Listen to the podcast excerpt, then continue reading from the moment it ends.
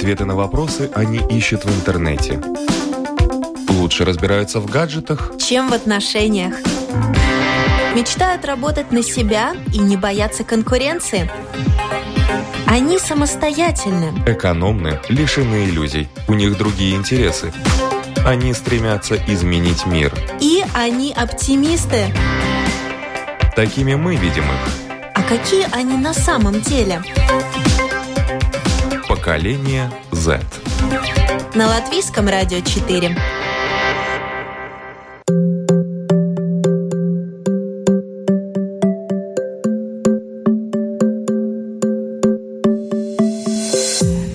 Здравствуйте, уважаемые радиослушатели. У микрофона Марина Талапина. В эфире программа «Поколение Z». О чем сегодня говорить? Конечно же, о выборах.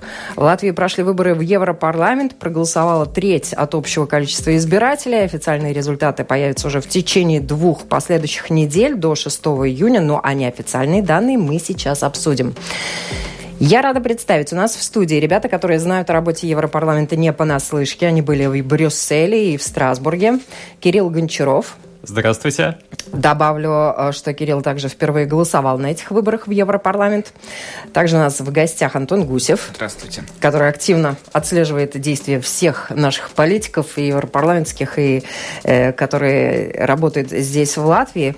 Ну и буквально через несколько минут к нам присоединится наш специальный приглашенный гость. У нас сегодня будет э, в гостях Алексей Лоскутов, который сменил на посту депутата Европарламента нынешнего премьера Латвии Кришиниса Кари Каринша, и, конечно, этого человека знают как главу КНАП и как депутата Сейма Латвии от партии Венутыба в этих выборах. В Европарламент Алексей участвовал от партии Яуна Венутыба вот, под номером 8. И э, Уважаемые радиослушатели, также я прошу вас писать нам на нашей домашней страничке www.lr4.lv. Кликайте «Написать в студию», задавайте свои вопросы, э, пишите свои комментарии. Мы обязательно их озвучим, обсудим. Если хотите нас видеть, заходите также на нашу страничку и э, кликайте «Написать в студию», и мы, э, вернее, кликайте «Посмотреть видео», и тогда смотрите, что здесь у нас происходит.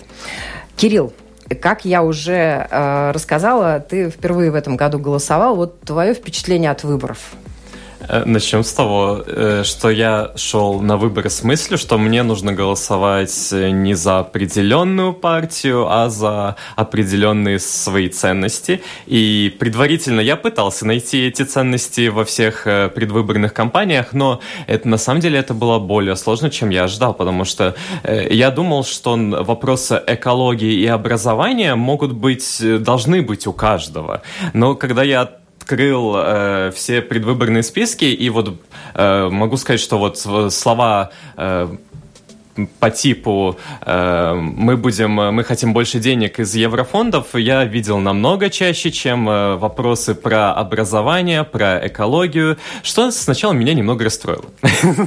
Э, Это в, в, в тот предвыборный период, когда ты думал, за кого ты пойдешь голосовать, да. правильно? А вот с, э, сам процесс голосования, с одной стороны, он мне показался э, намного проще, чем мне изначально казалось, потому что э, каждый, каждый раз мы видим статистику, вот он там очень много бюллетеней, которые аннулированы, потому что кто-то что-то сделал неправильно, э, а, а ты туда приходишь, тебе просто поставить плюсик в квадрате красиво или зачеркнуть что-то, и ну, все. Да. И инструкция, на, в принципе, и инструкция, везде, да. в каждой э, Конечно, было обидно, что я не получил печать в паспорт, как э, было раньше сделано. Но, с другой стороны, может, но, вот эта система со списками и всем остальным, она более эргономична. На участке, на котором ты голосовал, было много народу? На самом деле намного больше, чем э, я ждал, потому что я пришел рано утром. Я как участок открылся, так сразу туда пошел. И я был очень сильно удивлен, когда видел людей разных поколений, вот очень важно, разных поколений. Не только, как обычно у нас более стереотипно, что люди старшего поколения идут голосовать, но также много молодых людей было на этих выборах. И это было очень приятно. И да, людей было очень много весь день. То есть я проходил мимо, и там постоянно была очередь людей, которая ждала с, своего момента, для, чтобы пойти голосовать. Ну вот я, в свою очередь, могу поделиться, что я была на участке в районе 4 часов, и там, в принципе, практически уже никого не было. Да, было очень мало, так и кто-то заходил, кто-то выходил, но это было очень-очень-очень так уже э, медленно, неторопливо. Вот э, то, что касается программ, тоже вопрос э, затронул, Антон, э, тоже очень хорошо, глубоко погружался в то, что предлагают партии перед выборами в Европарламент. Что вас э, э, удивило, э, вдохновило, какие идеи партии вызвали, может быть, вопросы? Давайте к программам перейдем.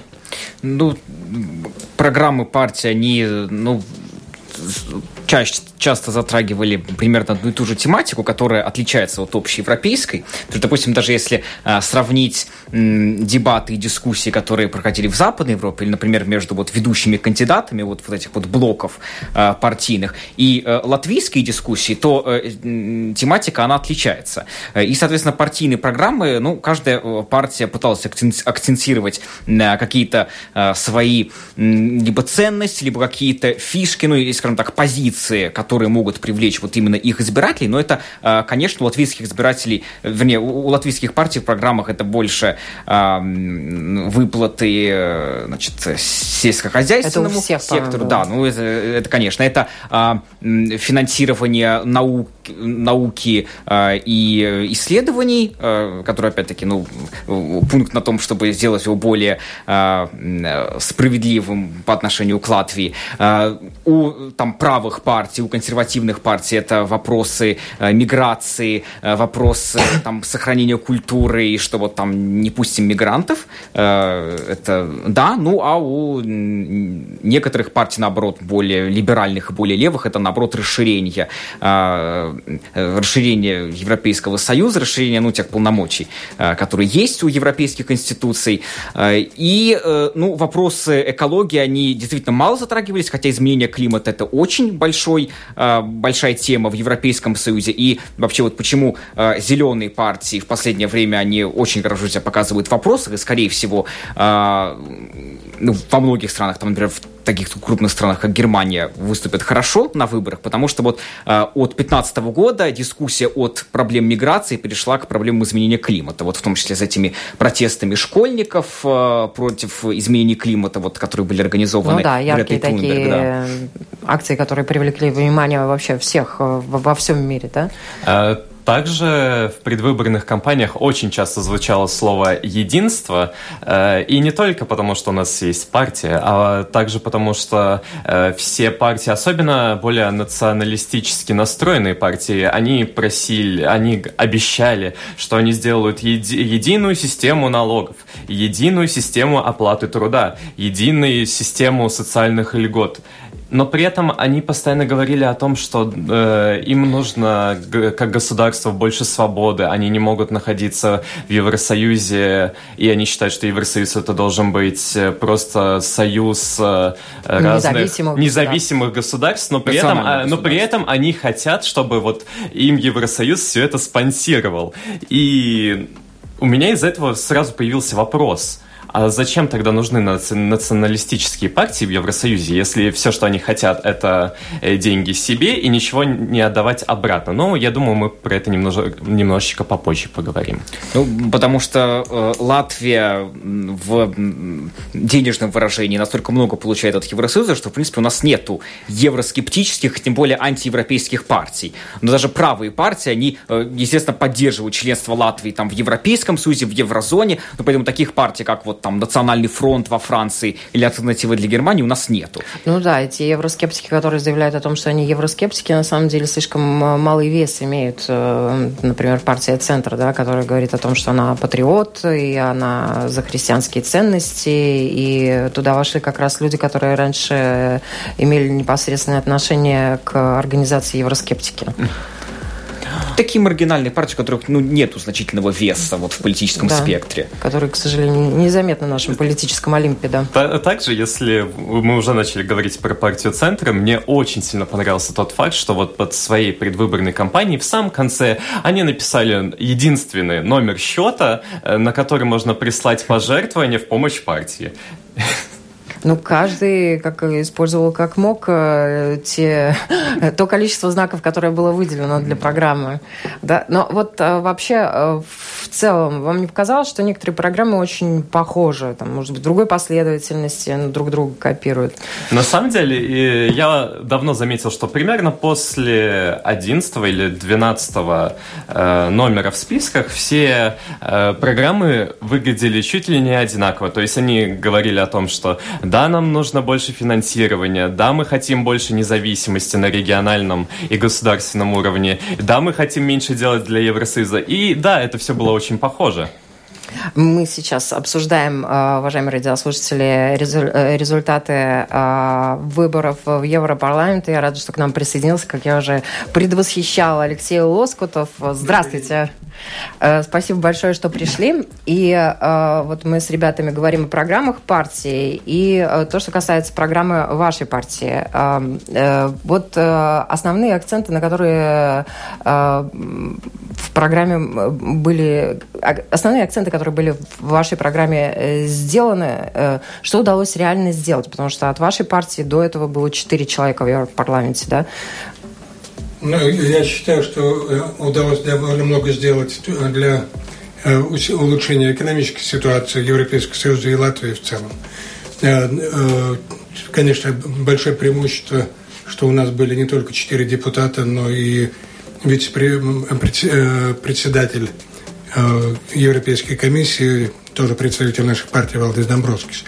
Э, но я думаю, что э, насколько могут, может компактная команда сделать, работа, сработали мои коллеги удачно.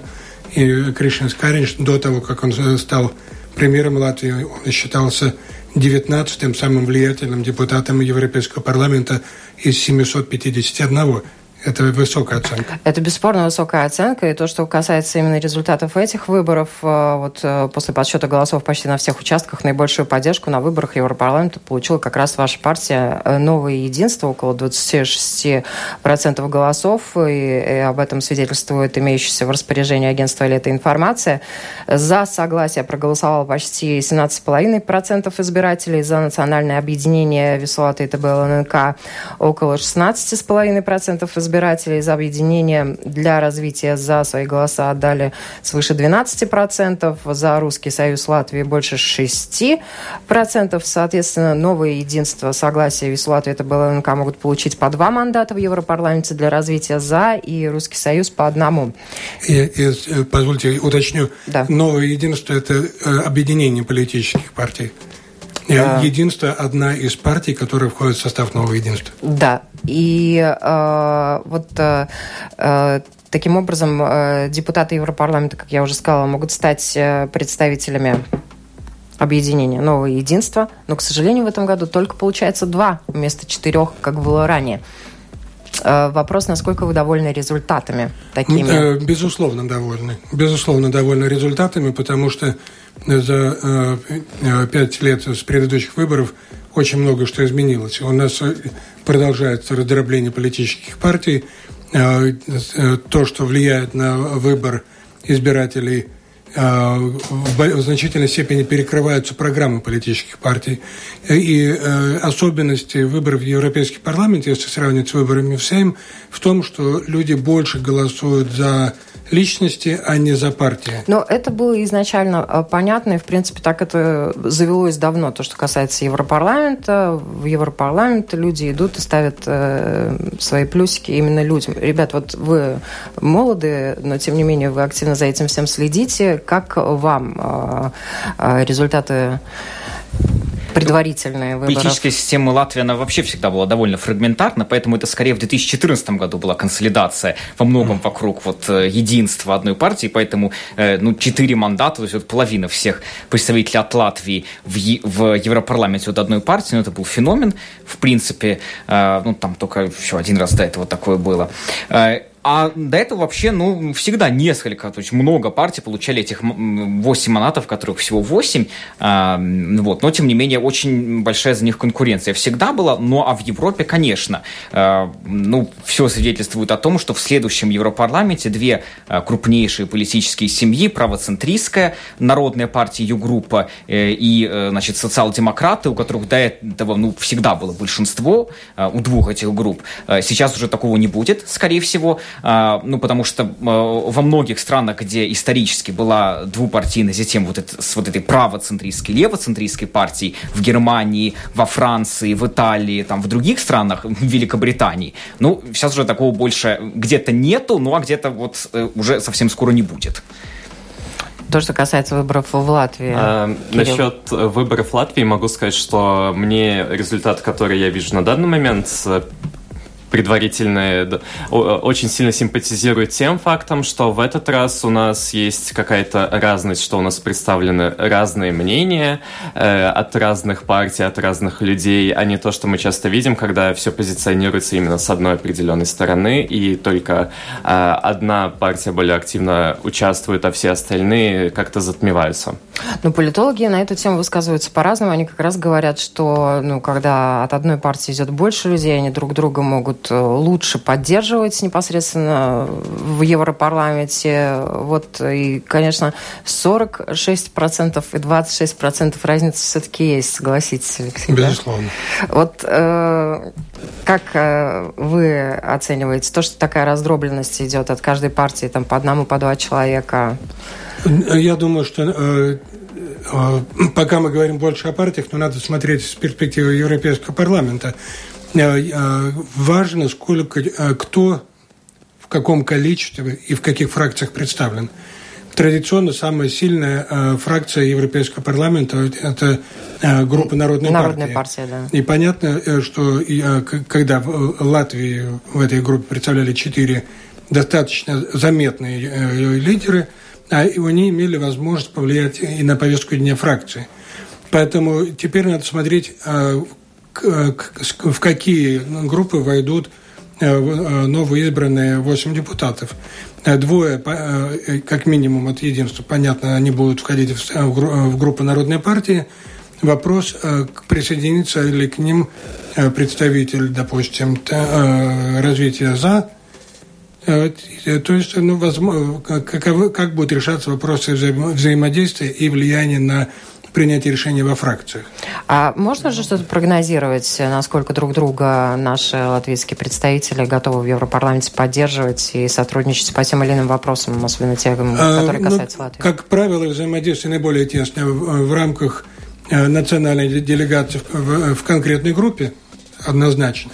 Э, дальше, э, возможно, поддержка позиции представителя Латвии, который работает в другой фракции – насколько это не противоречит позиции фракции. Ну и кроме того, понятно, что э, депутатам из Европейской народной партии достаточно сложно было взаимодействовать с представителями согласия и Русского Союза Латвии, поскольку э, их деятельность была больше направлена на э, распространение своего представления о том, что такое Латвия, а не на поддержку развития Латвии в целом.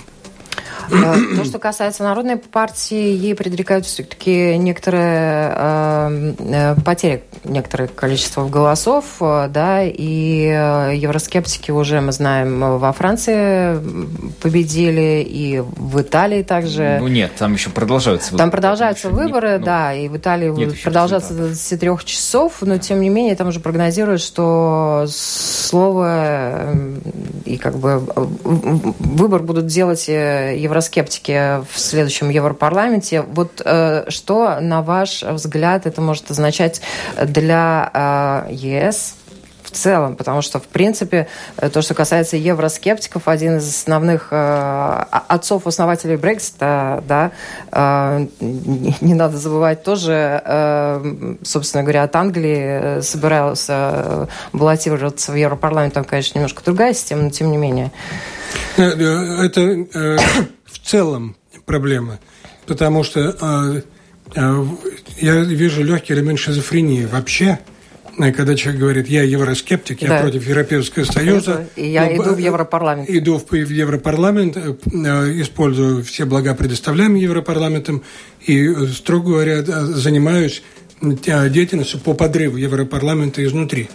Но это как-то, на мой взгляд, ну, не особо солидно, не, не особо красиво. Но политика, политика, ну, а, они имеют право участвовать в выборах и быть выбранными так же, как все другие.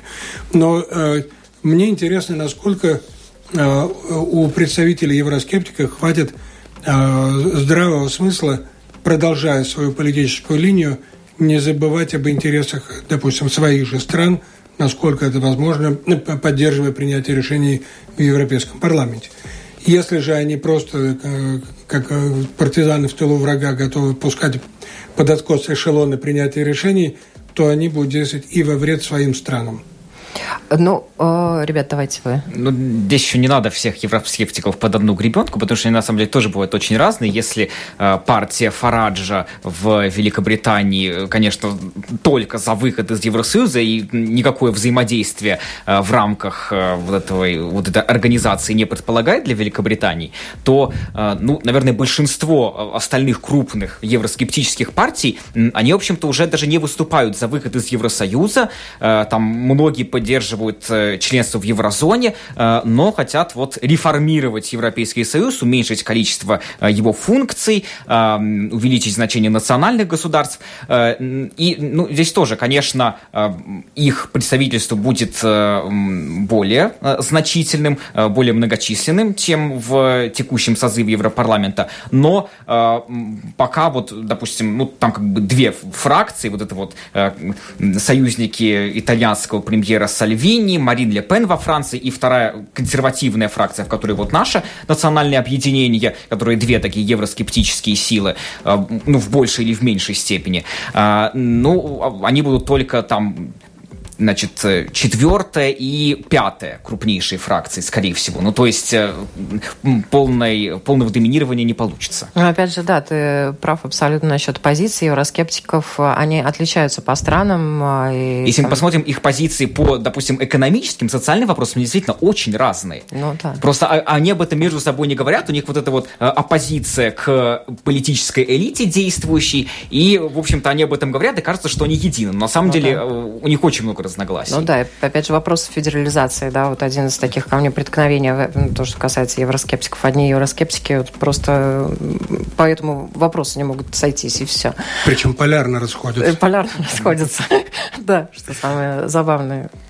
А, также мне кажется, что поведение многих евроскептиков, особенно в более крупных государствах Евросоюза, очень понятно, например, с теми настроениями, с которыми выходят более маленькие страны, как, например, Латвия, которая э, во многих э, предвыборных кампаниях только обещает просить больше денег с еврофондов, но при этом э, хочет больше свободы в самом Евросоюзе, что кажется по поведению очень странно, потому что э, есть вот э, очень такая типичная э, детская вещь, сколько взял, столь, э, сколько даешь, столько и бери.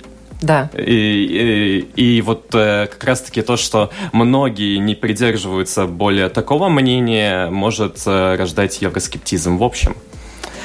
Ну, тут вообще, конечно, ряд вопросов э, рождается. И вот э, в этой связи нам очень повезло, что у нас сегодня в студии Алексей Лоскутов, которому довелось полгода как минимум поработать. Сейчас вы еще продолжаете работать в Европарламенте. Не исключено, да. что и впереди тоже будете. Неизвестно же, кому сколько плюсов в вашей партии поставили. А, а хочется вообще, чтобы вы немножко рассказали нашим радиослушателям и нам э, вот для евродепутата за полгода – что реально удалось сделать, во что реально удалось вникнуть? Э, полгода – это очень короткий срок, да, конечно. Э, начиная с того, что э, последний месяц этого полугода был свободен от заседаний вообще. Да, поскольку Мне, выборы. Да, это время официально свободное от ежедневной работы. По большому счету удалось понять минимально принципы действия Европейского парламента. Э, звучит странно, особенно из уст человека, который 8 лет проработал в национальном парламенте, но э, мне трудно вам передать всю глубину моего удивления насколько различается деятельность, э, люб, э, ну, я не могу судить о всех национальных парламентах, но деятельность Сейма и деятельность Европейского парламента. Самое э, большое различие в, порядке принятия решения. Сейм, когда дискутирует о законопроекте, э, рассматривает каждое предложение, о, котором кто-то хочет высказать, высказаться, и, или по умолчанию его поддерживают, или э, путем голосования выражать свое мнение.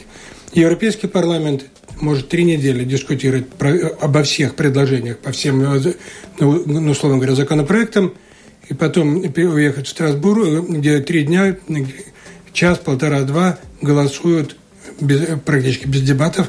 Дебаты в эти дни происходят, но по другим вопросам, но голосуют э, Уже по, по принципу нон-стоп э, обо всем, что было дискутировано раньше. Для этого э, для человека, привыкшего к рутине национального парламента, он действительно шокирующий. Но если о более серьезных различиях интересно видеть, принять и участвовать в принятии решений, которые касаются и э, континента в целом, и по большому счету э, всего мира. Поэтому э, задачи, стоящие перед э, новым парламентом, будут такими же масштабными.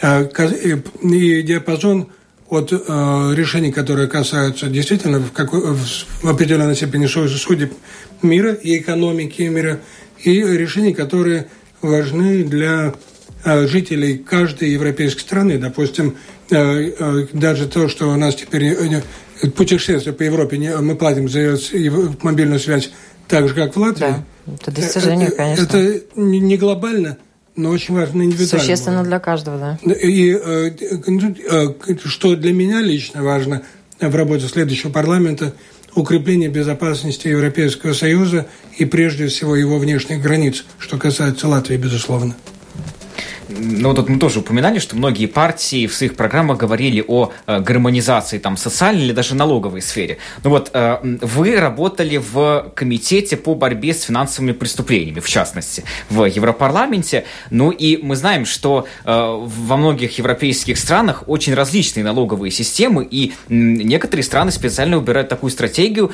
занижая различные налоги, становясь такими налоговыми гаванями, так называемыми. Если Латвия с подачи подачи США уже очень активно с этим борется, то, ну, например, многие британские острова, там, заморские, или, например, Кипр, э, или другие страны, ну, не спешат как-то менять эти вопросы. Ну, может ли здесь что-то сделать Европарламент? И что, я, э, чем вы э, занимались? Может, ну, занимался. Я получил эту э, должность в наследство от Кришин Каринши, потому что депутаты, которые вошли позже, они не имели, по большому счету, выбор, возможности выбора те комитеты остались в наследстве.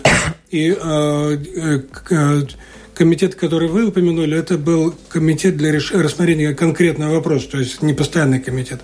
И э, изменения возможны, поскольку определяются достаточно жестко правила игры для всех стран. И вы упомянули ну, разные территории. Я знаю, что Кипр хоть и отстает – и без желания, но все-таки выполняет э, требования, которые э, направлены на существенное улучшение борьбы с отмыванием денег. И, кстати, э, Кришин Скаринч был один из лидеров в Европарламенте по борьбе с отмыванием денег. Это его ну, одна из главных позиций, с которой он шел все пять лет. Ну, ваше прошлое тоже, в принципе, с этим очень тесно связано, Ну, опосредованно, потому что Э, ну, мы, когда мы говорим о, о коррупции, э, это одно из следствий, деньги, полученные коррупционным путем, зачастую отмываются. Ну, это близко все равно. Близко, близко да, бесспорно близко. То, что касается э, вопросов, которые вот сейчас будут стоять перед депутатами, бесспорно, это бюджет, да, и э, вот как долго бюджет, если вспомнить, принимался на этот год нашей страны, как долго могут принимать бюджет ЕС? Там достаточно серьезный ну, Я не берусь прогнозировать, я довольно далек был от работы комитета э, по бюджету, но э, что важно, э, напомнить, прежде всего, радиослушателям, что Латвия на сегодня находится в, ну, в кавычках и в том числе, в, в то же время довольно прямо говоря, выгодной позиции. На каждый евро, э, евро взноса в Европейский Союз Латвия получает 4 э, евро европейских фондов. Поэтому я иронизировал, когда депутатов упрекают в том, что они живут на средства налогоплательщиков. Я говорю, ну, не надо о нас так беспокоиться. Э, за, у нас, грубо говоря, платят богатые европейские страны. Ну да. Но, э, но э, серьезно говоря, вопрос распределения фондов следующего периода очень важен. И действительно, каждая страна будет стараться добиться максимального улучшения для своей ситуации. Но один интересный момент, о котором я не задумывался, средства фондов выравнивания, или их традиционно называют Э, с английского э, э, фонда кохезии, да. они не, не являются абсолютной данностью. Чем ближе страна к среднему уровню Европейского Союза, тем меньше интенсивность этих фондов выравнивания. И нам, ну, в кавычках, повезло, что мы немножко отстаем пока – да, мы э, получаем больше. Мы получаем больше, чем пропорционально получают Литва и Эстония, у которых ситуация не, немного лучше. Опять же, на развитие инфраструктуры мы тоже получаем больше, чем э, старые страны Европы. Это тоже известные факты. Это тоже, спасибо большое, там те же больницы наши э, гораздо активнее реконструируются. Ну, один из самых больших проектов впереди Rail Baltic, Rail Baltic. который соединит нас э, скоростными железными дорогами со всей Европы, и недавно этот проект вошла Финляндия, то есть, получается, можно будет путешествовать... Тоже пять стран будет. Э, только непосредственно участвующие, а можно будет в поезд сесть на севере Финляндии, условно говоря, и ехать до, до Лиссабона. Да, и, ну да, с пересадками через Варшаву. Ну да, да. да, но то, что касается Rail Baltica, тут, конечно, надо должное Роберту Зилу, который действительно огромное, огромную работу провел в Европарламенте и создал группу поддержки, и сейчас будет биться активно, и э, для того, чтобы выбить 4 миллиарда евро, я так понимаю, на этот период э, на все три страны э, прибалтийских, но тем не менее это достаточно внушительная сумма, полтора миллиарда евро освоить э, за шесть лет. Это и рабочие места, абсолютно очевидно, и развитие инфраструктуры, и улучшение ну, всех, кто будет в этом задействован. И, главное, что это приведет к улучшению мобильности наших жителей, соседних стран – и в том числе это направлено на усиление нашей оборонной способности. А, нам пишут, э, что у нас прекрасные собеседники. Уважаемые радиослушатели, вы также можете присоединиться к нашей беседе 67-227-440, номер телефона э, нашей студии. Если вы хотите задать вопрос нашим гостям, пожалуйста, задавайте. Вы затронули очень такой щепетильный момент, по поводу которого э, были даже скандалы. То, что касается тех денег, которые зарабатывают европарламентарии, евродепутаты, то количество денег, которое выделяется им на на э, представительские расходы, там порядка 5 тысяч, 20 тысяч на помощников и так далее. Э, вот э, в связи с теми же скандалами, когда э, устройство, например, жены Мамыкина стажером Квайдера, да, там э, у Мамыкина работала дочь Григулы, э, ну, то есть вот эти вот все перипетии, насколько э, вообще оправданы такие расходы дополнительно, помимо зарплаты э, евродепутаты, еще вот ну, такие действительно хорошие Но я, я хочу деньги. уточнить, э, что э, расходы, э, ну, вы назвали представительские, есть расходы на бюро, содержание бюро, это одна часть расходы на помощников, действительно звучит большая сумма, 20 25, по-моему, даже. Не 25 ли тысяч, да. Но э, это не, не, э, сама форма, э, мне не дают 25 тысяч, говорят, трать как хочешь, тебе на помощников. Э, очень жестко э, ну, я подбираю помощников, бюрократы европейские оценивают, исходя из полученного образования и предотвращая возможный конфликт интересов, и э, э, зарплата зависит в том числе и от образования. И, э, конечно, при желании можно подобрать помощников, чтобы потратить по возможности ближе ко всей сумме. Но я не, не, пытался обобщить, сколько депутатов так делают. У меня было три, четыре помощника и я был ну, далек от потолка этой суммы. То, что касается ваших помощников, которых вы выбрали, эти помощники, они тоже вам по наследству от господина Канича достались или вы подбирали своих? Помощники, условно говоря, да, но я не был связан, как говорится, обязанностью их Сохранять их позицию. То есть я, это был мой свободный выбор, но, конечно, опыт этих людей и знания потрясающие. Но поддержка для меня, человек, который был новым в Доме Европейского парламента в качестве депутата. Есть вопросы. Я знаю, что у нас э, возникло очень много вопросов вообще по поводу работы Европарламента, вот эффективности работы самого Европарламента. Ну, у меня сначала вопрос немного из другой сферы. Я уже в начале эфира, когда у меня спрашивали, как эм, прошел мой первый поход на какие-либо выборы, я хотел сразу задать вопрос, э, и я его задам теперь сейчас. А вообще ли нужны националистические партии в Евросоюзе? Потому что как-никак Евросоюз должен э, э создавать, делать регулы, которые относятся ко всем сразу, а не думать только о своей стране. Вы знаете, э, это хороший вопрос, но э, с, это, с точки зрения логики этого вопроса радикальные евроскептики, то есть те, которые раз, за развал Европейского Союза, по определению не должны попадать в Европейский парламент. Но э, если серьезно, и те, и другие имеют право избирать и быть избранными, и они представляют какую часть общества.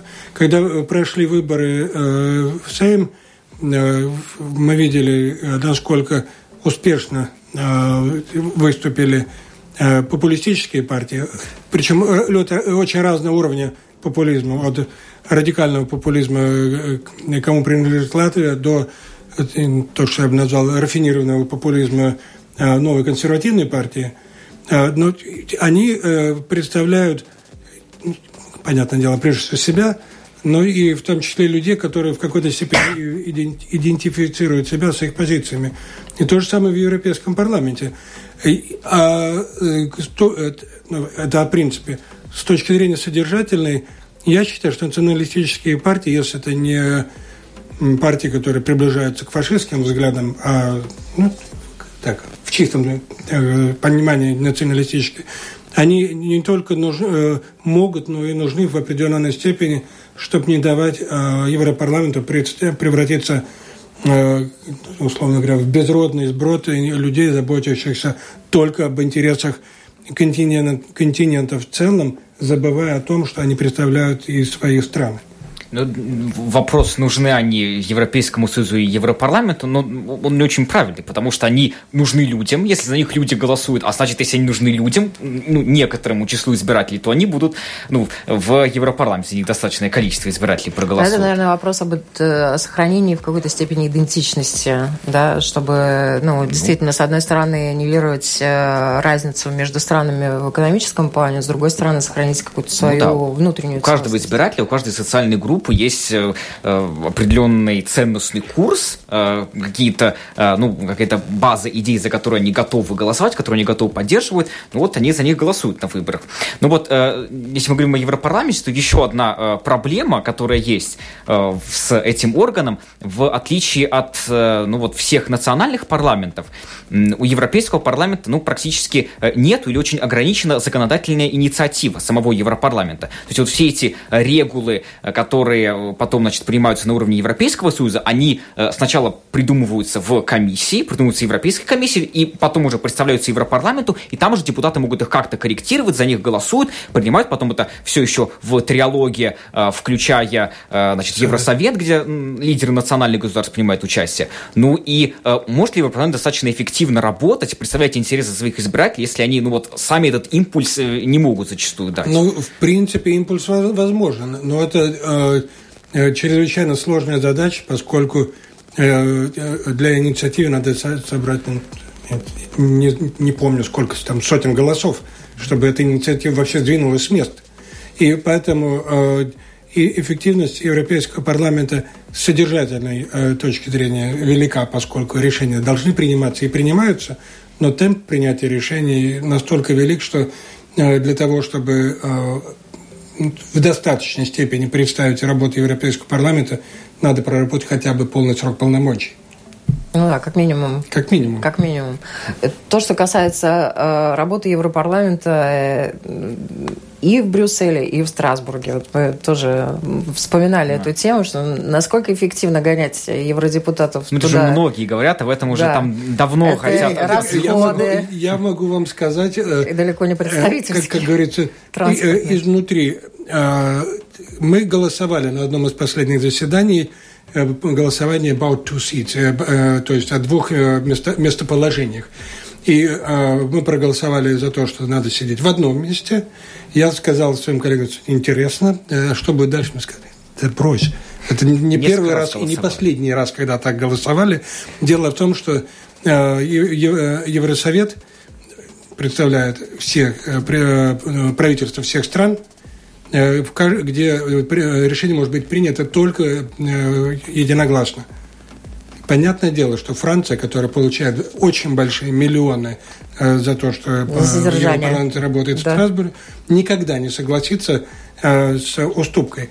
Ну а кроме того, что еще с точки зрения эмоциональной важно, Европе... главным местом пребывания Европейского парламента – вопреки нашей бытовой логике, где вся, вся работа проходит в Брюсселе, главное место – это Страсбург. Ну, Все-таки, да. да. Хотя мы официально, говоря... официально Европарламент сидит в Страсбурге. Да, хотя уже и у журналистов, и у всех на слуху, если мы говорим о Европарламент Брюссель, да, это уже как синонимы звучит. Э, нас Александр задает вопрос, сколько языков знают ваши все гости, и когда будет голосовать Антон? Давай начнем со второго, когда ты будешь голосовать. Ну, в следующие выборы, которые будут муниципальные в 2021 году, я уже на них буду голосовать, мне сейчас 17, ну, соответственно, к тому времени я уже могу голосовать. Ну, сколько языков я знаю, ну, вот э, русский, латышский, английский, я могу на них говорить, ну, вот еще я учу немецкий, еще, ну, могу чуть-чуть поговорить по-украински, например. Пять. Эм, в моем случае я считаю, что я достаточно свободно говорю на трех языках: русский, латышский, английский. Эм, могу поддержать э, ди... очень простой диалог на французском по типу «Как тебя зовут? Меня зовут так. Как дела?» Могу сказать, во что я одет, и на этом все. Э, и вот на таком же уровне примерно немецкий. Ну, у меня такая же, э, нет, не такая, не могу себя хвалить, э, русский, латышский, английский. И э, с точки зрения языков была совершенно потрясающая картина, когда в серии дебатов о будущем Европы юбилей, юбилейным номером, 20-м, заключительным, выступал Кришин Скарич. Он, в зависимости от того, кому он обращался, он говорил по-английски, немецки, э, э, начал по-латышски, английский, немецкий, французский. Ну, где он французским он скромно сказал, что не, не очень, но я все равно смотрел с завистью, конечно. Причем очень открытая, не бюрократическая сама форма общения. Ну да, и, конечно, когда ты говоришь на языке человека э, на родном, это всегда открывает двери любые. Очень хочется э, задать вопрос, буквально у нас немного времени остается, обсудить э, вопросы миграции, потому что все равно этот вопрос остается актуальным, ремиграция. Вот э, каковы перспективы решения этих вопросов? Там кто-то выступает э, категорически против, э, закрыть, выдворить, даже такие звучат э, идеи. Ну, э, э, былой э, местами существующий энтузиазм по приглашению э, мигрантов, э, по-моему, во всей Европе закончился. В, как, в какой-то степени ну, определенная открытость остается, допустим, в Северной Европе, Шве, Швеция традиционно. Но в целом реализм возобладал, и сейчас э, дело, предпринимается серьезные усилия на то, чтобы ограничить, прежде всего, нелегальную или нерегулируемую миграцию.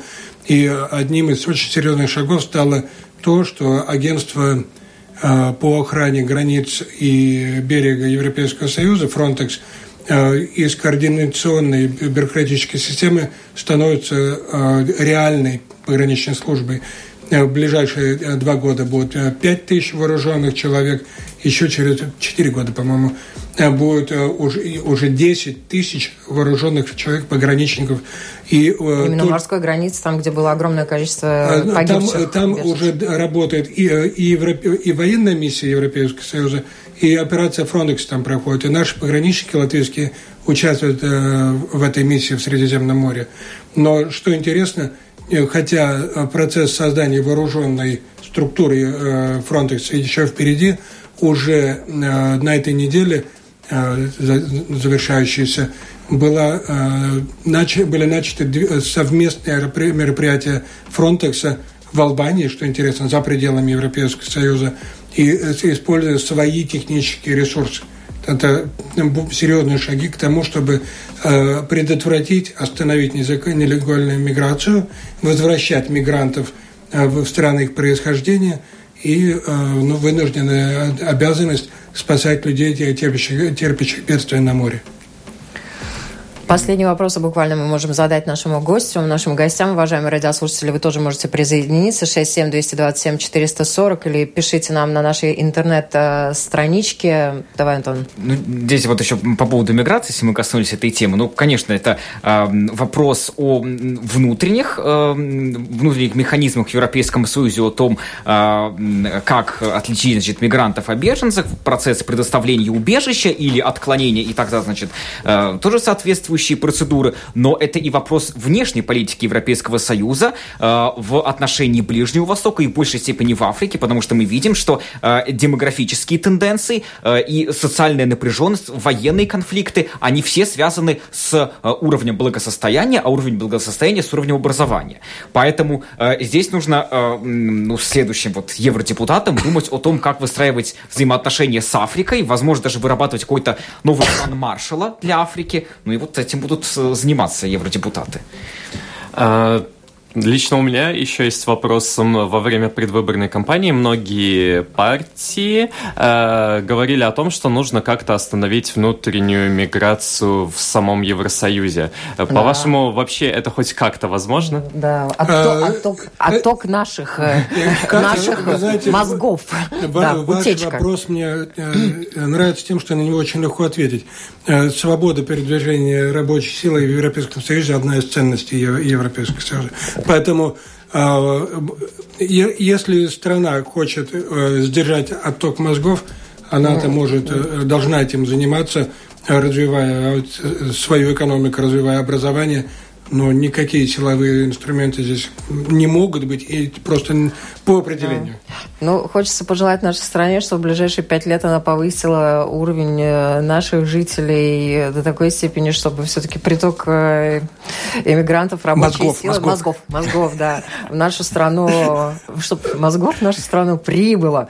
Ну что же, уважаемые наши радиослушатели, у нас есть звонок, давайте примем. Здравствуйте, говорите, пожалуйста. Добрый день. Добрый. У меня вопрос. Меня Здислав зовут. Значит, когда вот а, вас собеседник, знающий, опытный политик, как бы он ответил вы, значит, когда будет разделение людей на русскоязычных и этот, и поэтому национальная партия проводит свою национальную политику, это две партии, и центр согласия. И вот идет борьба. Зачем, вот понимаете, вот такие противоречия эти партии создают? То есть национально. Тогда русские язычные голосовали бы за любые другие, зеленых, красных, как угодно назвать партии. А так разделение идет и идет, и это выгодно получается. Спасибо за вопрос. Ну, э, э, вопрос я слышал часть ответа на вопрос. Э, э, национальное объединение и Центр согласия, и в какой-то степени Русский Союз Латвии они, ну, в кавычках, да, друг друга кормят. Э, поддерживая противостояние, они э, получают поддержку своих избирателей. Э, в то же время я вижу, что с каждыми следующими выборами все, больше, все меньше этническое голосование. Русскоязычные голосуют за латышские партии, латыши голосуют за русскоязычные партии, исходя из сходства представлений. А, Подключился народ. Давайте примем еще звонок. Здравствуйте. Если можно, только коротко, потому что у нас мало времени остается и подальше от радиоприемника. Говорите. Алло. Алло, говорите, пожалуйста. Алло, добрый день. Добрый, мы вас слушаем. Задавайте ваш вопрос. Все мы живем в Евросоюзе, а почему такая разница?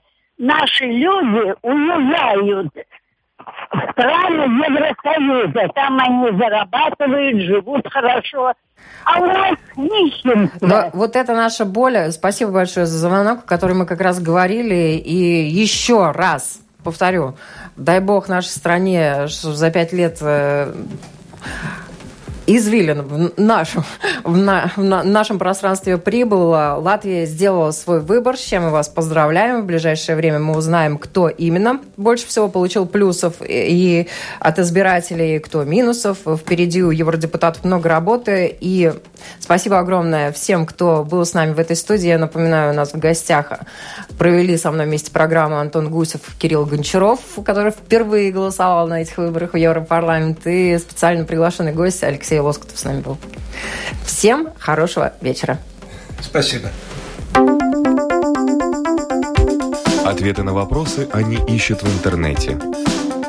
Лучше разбираются в гаджетах, чем в отношениях. Мечтают работать на себя и не бояться конкуренции. Они самостоятельны. Экономны, лишены иллюзий. У них другие интересы. Они стремятся изменить мир. И они оптимисты. Такими мы видим их. А какие они на самом деле? Поколение Z. На латвийском радио 4.